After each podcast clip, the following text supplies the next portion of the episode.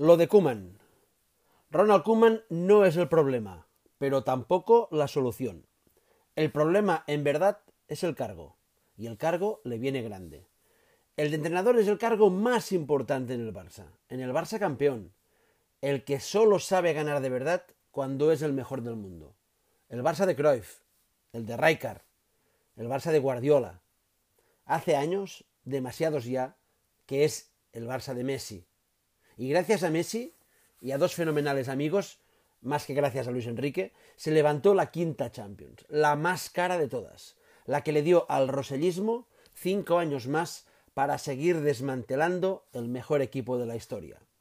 Cinco años en los que mientras Leo ganaba ligas y el equipo salía, escaldado en Europa, tanto Lucho, tanto con Lucho como con Valverde, con Setién y ahora con Kuman, ellos iban empequeñeciendo primero al equipo y después al club, sus cuentas y sus proyectos, porque del tocomocho Spy Barça y de lo que se están encontrando los nuevos directivos ya hablaremos otro día.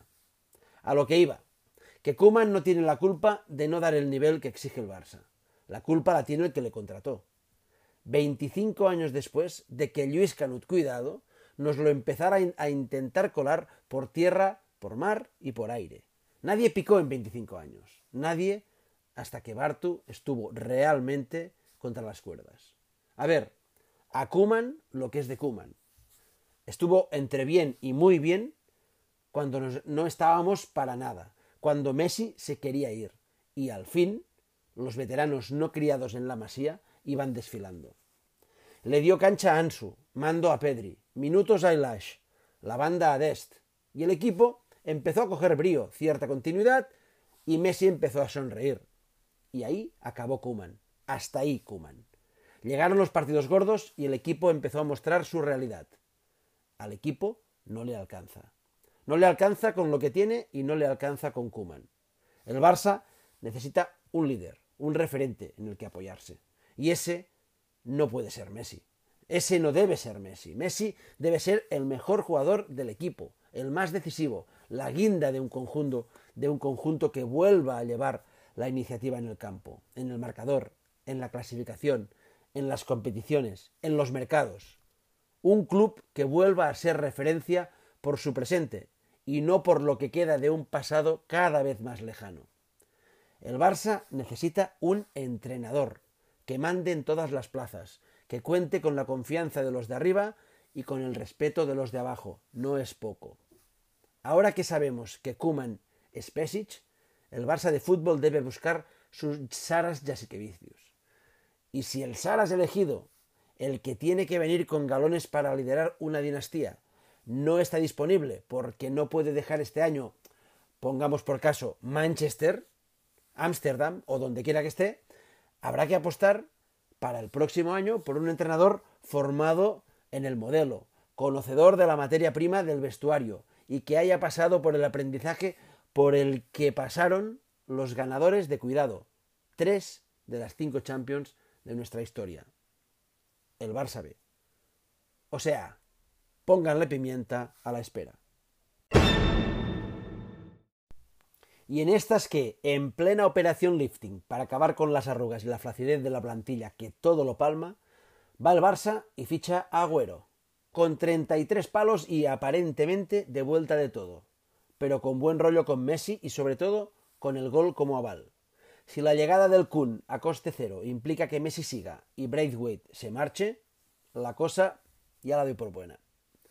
Con el club arruinado de facto por los excesos de Bartu y los suyos, con gran parte de la prensa mirando para otro lado o directamente aplaudiendo con las orejas los fichajes de Coutinho, Dembélé, Griezmann, Braithwaite y Trincao todos juntos por 500 millones, y ahora el club está como está.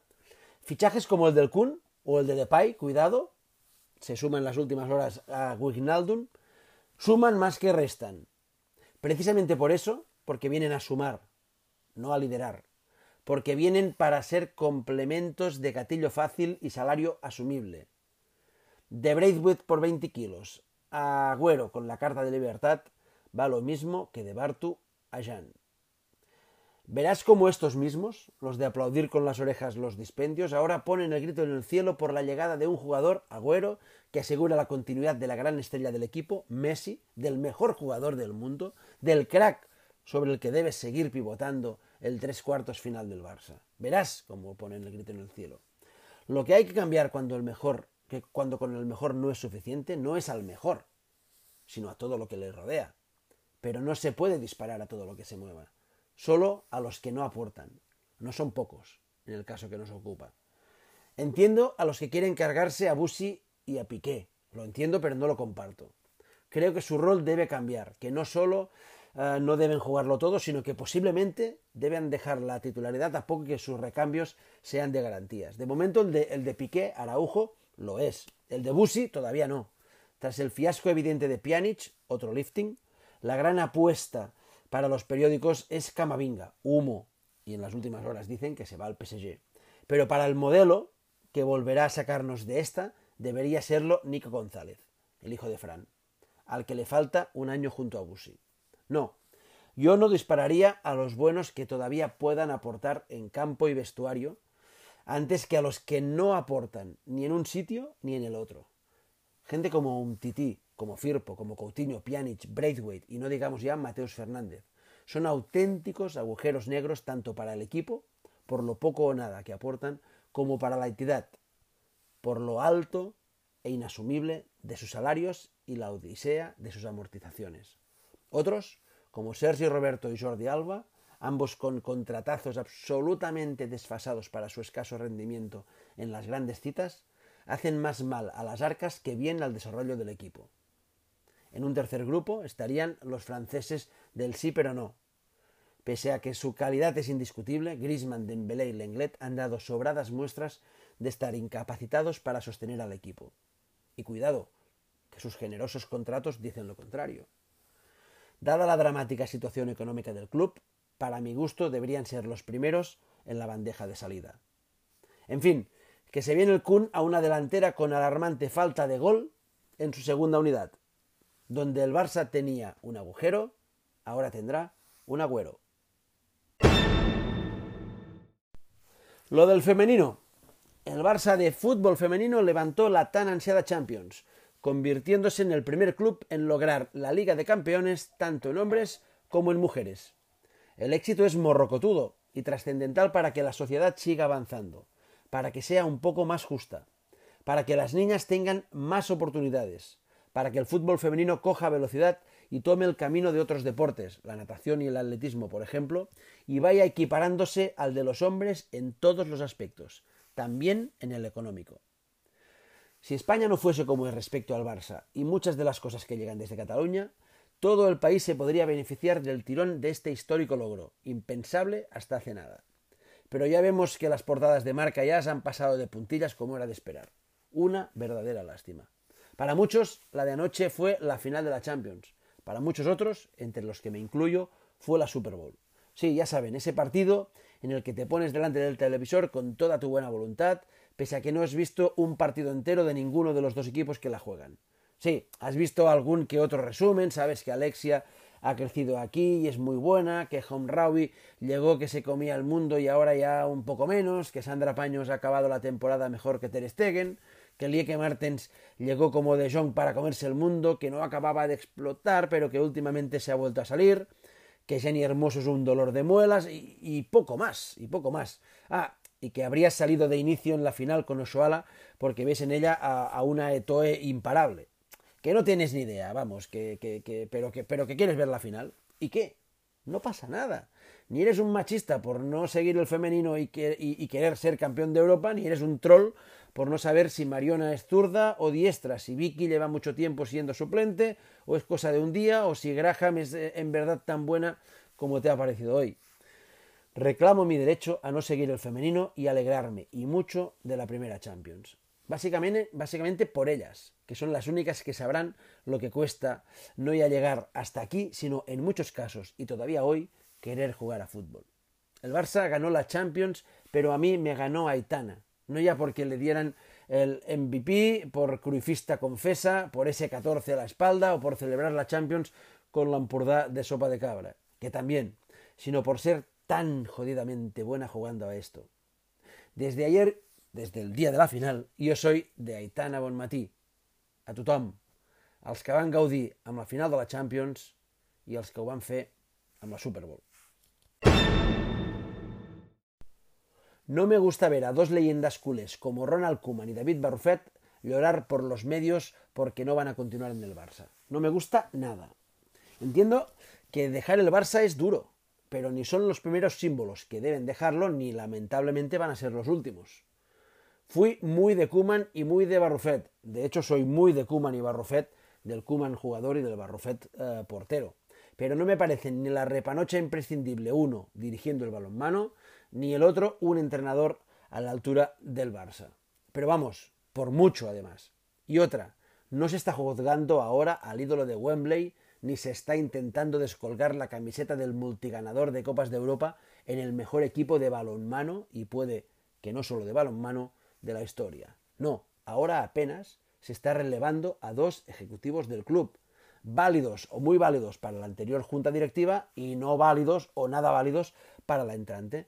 Tampoco me parece tan complicado de entender. Que el maltrato a los símbolos del Barça es malo para los símbolos y para los culés que les veneran, lo sabemos bien o muy bien los fans de Cruyff y Guardiola, los dos arquitectos de los dos mejores Barça de nuestra historia. Amén de jugador de primer, de primer nivel uno y de auténtico elegido fuera de serie el otro. Nada de eso les valió para que desde el condado y desde el propio club se les atizase y fuerte desde el primer día. A Johan por refundar al Barça y por desnudar todas las vergüenzas del nuñismo llorón y victimista que lo tenía secuestrado. Y a Pep por dar continuidad al sueño curifista, por hacerlo todavía más bello, más perfecto, más ganador, y sublimarlo hasta el punto de ser admirado en el mundo entero como el paradigma del estado máximo al que puede aspirar un equipo de fútbol. Demasiado para los que, les, eh, los que hicieron del levantarrecopismo, el aquesta en sí y el ganar al Madrid en el Camp Nou su way of life para seguir viviendo del socio. Ad eternum. El maltrato a los símbolos del Barça siempre es malo, pero siempre se da. Va con el ADN fundacional del club.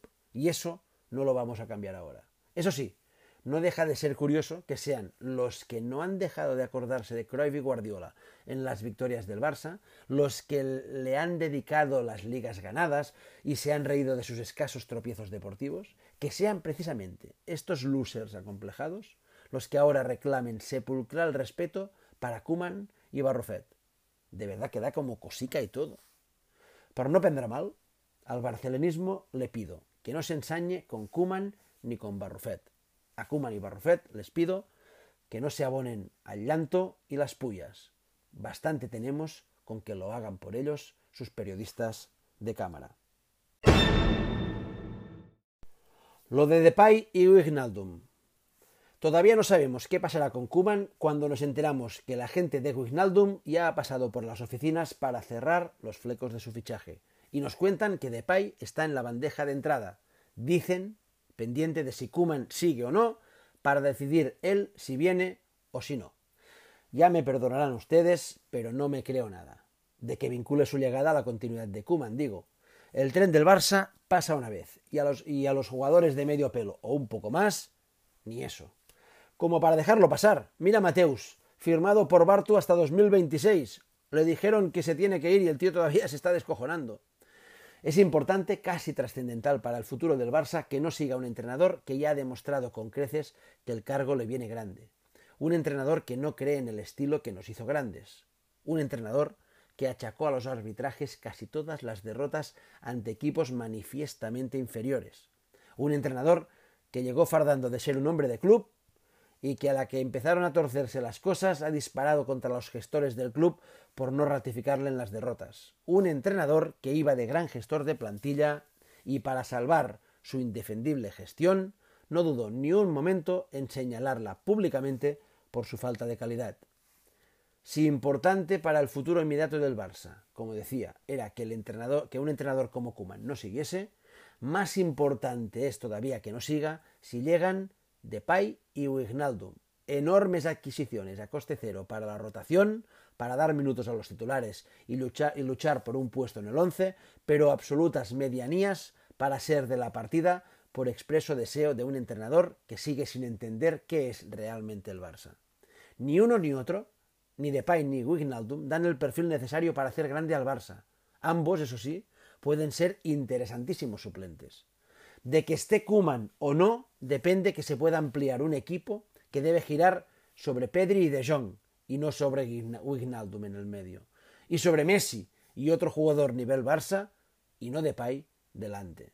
Wijnaldum sumará si viene como Keita, y nos arrastrará si su entrenador le ve un Arturito con el que cortar el bacalao.